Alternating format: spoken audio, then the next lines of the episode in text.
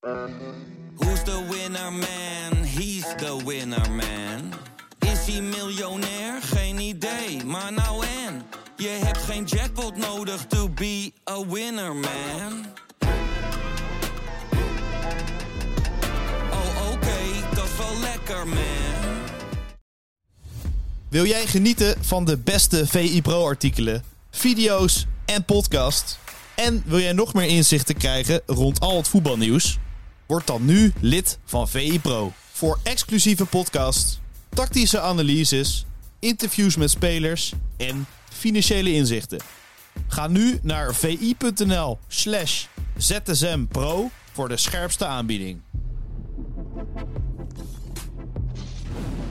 Welkom bij de VZSM van eh, donderdag 5 oktober. We hebben natuurlijk een uh, mooie Champions League avond uh, erop zitten. Hoe je het bekijkt natuurlijk voor Feyenoord.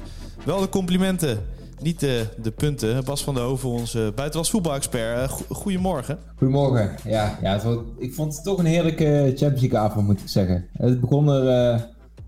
Nou, het begon ermee, ik zette Ziggo Sport aan en Wietse van der Goot met een cynische ondertoon las hij het wedstrijdprogramma voor. Uh, met uh, Saudi-Arabië tegen Qatar in, in Newcastle. En uh, daarna de City voetbalgroep tegen een concern van Red Bull. Ehm, maar ik moet zeggen, natuurlijk moet je het zo belichten als, als journalist. Maar als dan eenmaal de wedstrijden weer beginnen, dan geniet je toch ook wel van het spel, van de sfeer, van de mooie momenten, van de missers, van de onvergetelijke goals. Um, de goal van Dan Burn bijvoorbeeld. Ja. En ook Atletico Feyenoord vond ik ja, zeker de moeite waard. Ja, zeker de moeite waard. En dat zei de Spaanse media ook. Meest gelezen artikel was dat uh, Feyenoord superieur was en iets had om over op te scheppen. Nou, ben jij het vast ook wel mee eens. Maar um, ja, het is toch een beetje zand in de ogen gestrooid, toch? Door Atletico. Ja, ik denk wel dat, ik denk wel dat Feyenoord met voldoening terug kan keren naar Rotterdam.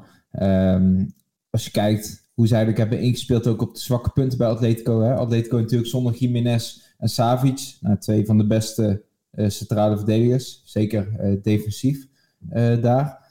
nou, met Witzel als Piriqueta weet je dat ze in de problemen komen als ze in de grote ruimte moeten gaan verdedigen. Dat slot natuurlijk ook slim op ingespeeld met zijn plan. Het aan hem wel toevertrouwd. Sam Planting heeft het ook mooi beschreven op VPRO in die analyse. Eigenlijk hoe Feyenoord door de buiten is heel breed en hoog weg te zetten. Uh, ruimtes creëren om uh, ja, Witzel en Aspilicueta in grotere ruimtes aan te vallen. Nou, dat zag je natuurlijk ook gebeuren bij, bij het openingsdoelpunt. ik denk dat Feyenoord zich heel, eh, heel weinig kan verwijten. Het plan van uh, Slot klopte. Um, spelers die er stonden. Um, alleen ja, een paar momenten van klasse doe je dan toch de das om. En ene moment van Griezmann natuurlijk de goal. En ik vond de tweede, moment, tweede goal van Morata... Ja, vond ik ook echt zo'n situatie... Ja, daar is een Nederlandse club over het algemeen niet tegen opgewassen. Het is gewoon een perfecte voorzet. Een spits die, die perfect timed. Uh, randje buitenspel. Uh, ja, die Trauner daar uh, te snel af is. Ja, wat kan je Feyenoord dan uiteindelijk verwijten? Ja, heel weinig. ik denk dat met Jiménez... als die had kunnen spelen is natuurlijk voorin een, eh, een sterker wapen gehad. Ja, je moet dan een beetje mazzel hebben. Hè, dat bij Atletico een paar kansen net niet benut worden. Um, en, en dat je zelf nog net iets dwingender uh, kunt zijn aan de bal. Uh, ja, zoals, zoals Ajax natuurlijk voor, ja, die magische Champions League campagne had. Uit tegen, tegen Juve, uit tegen um, Real Madrid. Real Madrid wat natuurlijk wel toen echt van topniveau was. Juve vond ik wel, wat minder. Ik denk dat het Atletico van gisteren uh, beter was.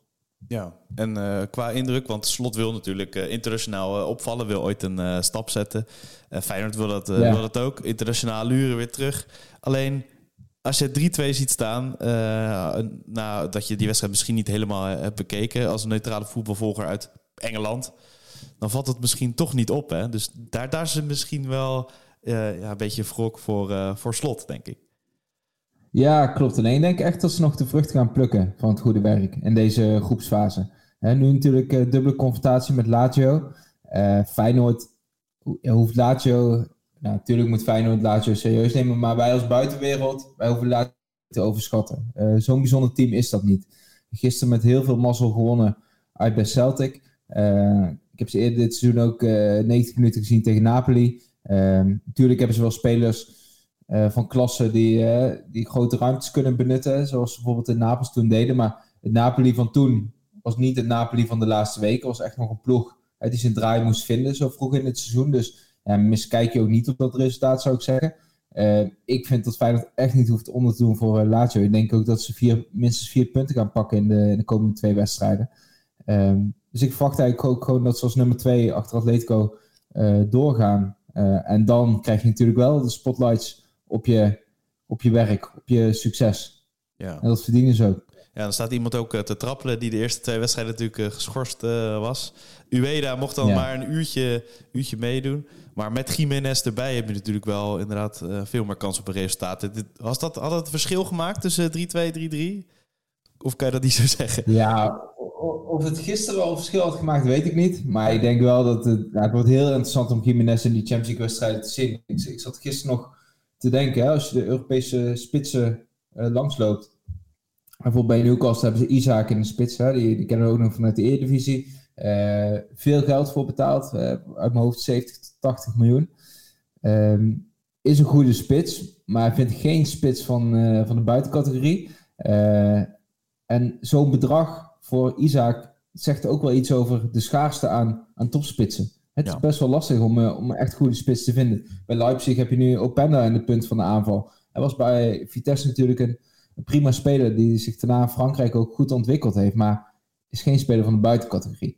En ik, ik wil niet zeggen dat Jiménez bij de beste vijf spitsen van Europa hoort. Hè? Dat zou een beetje doorslaan. Maar ik denk wel dat hij in de top 10 uh, eh, staat. Ik denk wel dat hij de nummer 8, 9 of 10 is. Um, en ja, als je ziet in de Eredivisie, steekt hij met kop en schouders bovenuit. Uh, wat mij betreft. Um, ja, ik denk dat hij dat in Europa ook kan laten zien. Absoluut. Ja, en dan uh, algemeen beschouwend. Uh, Feyenoord uh, verloor drie jaar geleden, zag ik nog met 1-4 van Wolfsberger. en nu tegen Atletico zo competitief. en natuurlijk winst tegen Celtic. kan Feyenoord al ja, enigszins zeggen dat het een subtopper is? Of groeit het daar naartoe?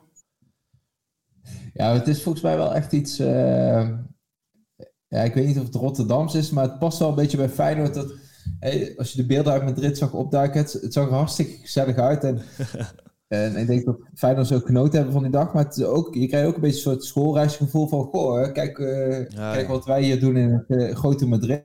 Ja.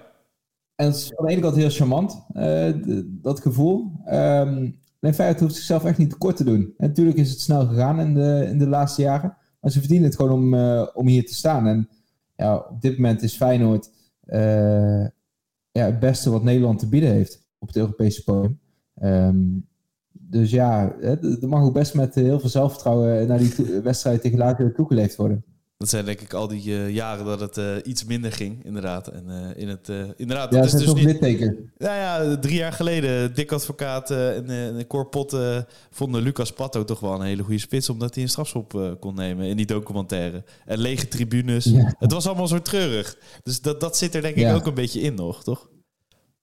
Ja, nee, absoluut. dat is ook logisch. En het is ergens ook wel goed om, om dat erin te houden. Hè? Dat je wel blijft beseffen dat en dat het niet ieder jaar uh, zo goed kan gaan. Alleen het team wat ze nu hebben staan, het is ingespeeld. De aankopen, hè, het is er bijna allemaal raak. Hè. Ja. Minte bijvoorbeeld, uh, goede verrassing. Nou, huurling. Uh, maar Stanks die het goed doet, ook in Madrid. Um, ja, ik... Iets meer ja, borst vooruit. Overwintering van Feyenoord. Ja, overwintering zou echt niet gek zijn. Nee. Exact. Nou ja, goed, dat zal ze goed doen in Rotterdam, deze woorden. Iedereen iets meer met de borst vooruit.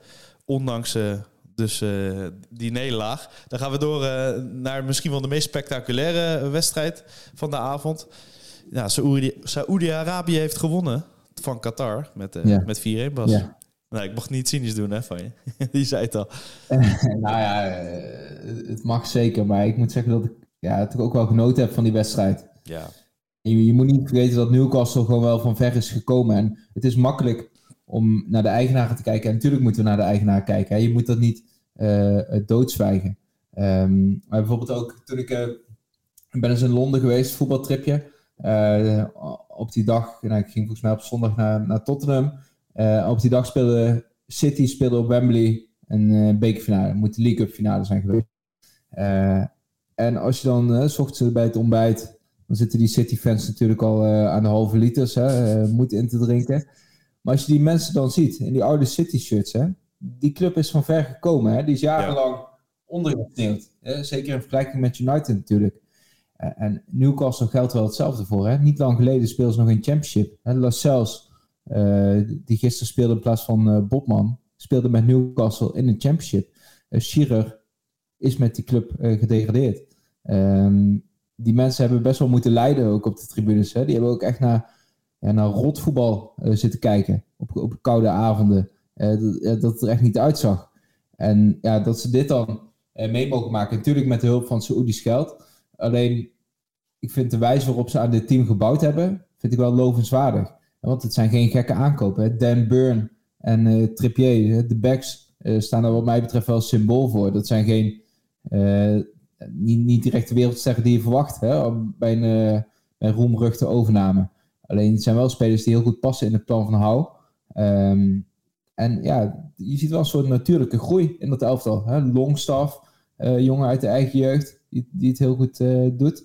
Ja, dat je dan de sterren van eh, PSG eigenlijk zo van het veld kunt blazen. ook in, ja, in die atmosfeer. Ja, St. James Park was echt bouncing, zoals de Engelsen zeggen. Ja, maar dat, dat is het ook vooral, toch? Je ziet gewoon die supporters die, die al die jaren hebben meegemaakt zonder die eigenaar. En die hebben er niks mee te maken. Dat is gewoon wel de club, hoe, hoe, hoe het mooi maakt. En ze lijken gewoon ook wel terug te zijn, toch? Want ja, ze hebben bijvoorbeeld ook tegen Feyenoord in de Champions League gespeeld.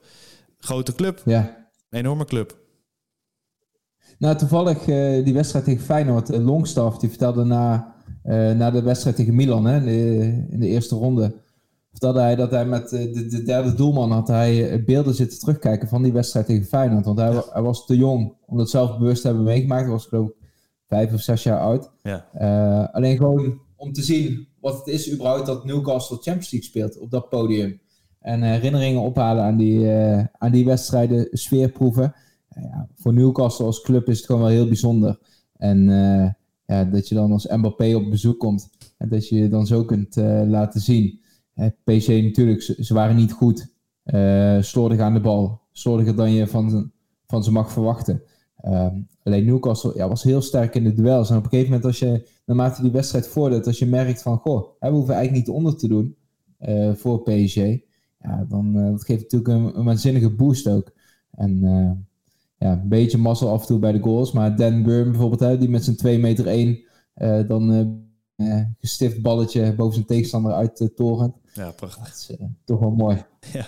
Hoe, hoe was dat bij Porto-Barcelona? Want ja, we, we, hebben hier al over gesproken trouwens. Maar Porto ja, doet het dan goed tegen Barcelona? Of, of doet Barcelona het gewoon heel slecht en daardoor win je maar met 0-1. Ja, kijk, bij Barcelona... Het heeft ook een beetje ook te maken met het beeld dat wij uh, van Barcelona hebben. Hè? Het, uh, het, altijd streven naar dominantie en mooi voetbal.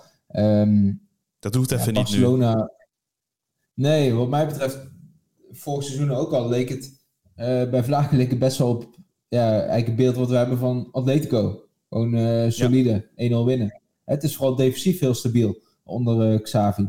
En ze missen natuurlijk Pedri, Frenkie de Jong, spelers die voor creativiteit kunnen zorgen. Alleen, ik vind bij Barcelona, als ik eerlijk ben, vind ik de laatste jaren vind ik het op de flanken niet zo bijzonder. En dat is wel, op de flanken maak je het verschil. Op de flanken zorg je voor de magie. Als je terugdenkt aan de beste Barcelona-prestaties van Deo, denk je terug aan Ronaldinho, aan Messi, aan Neymar.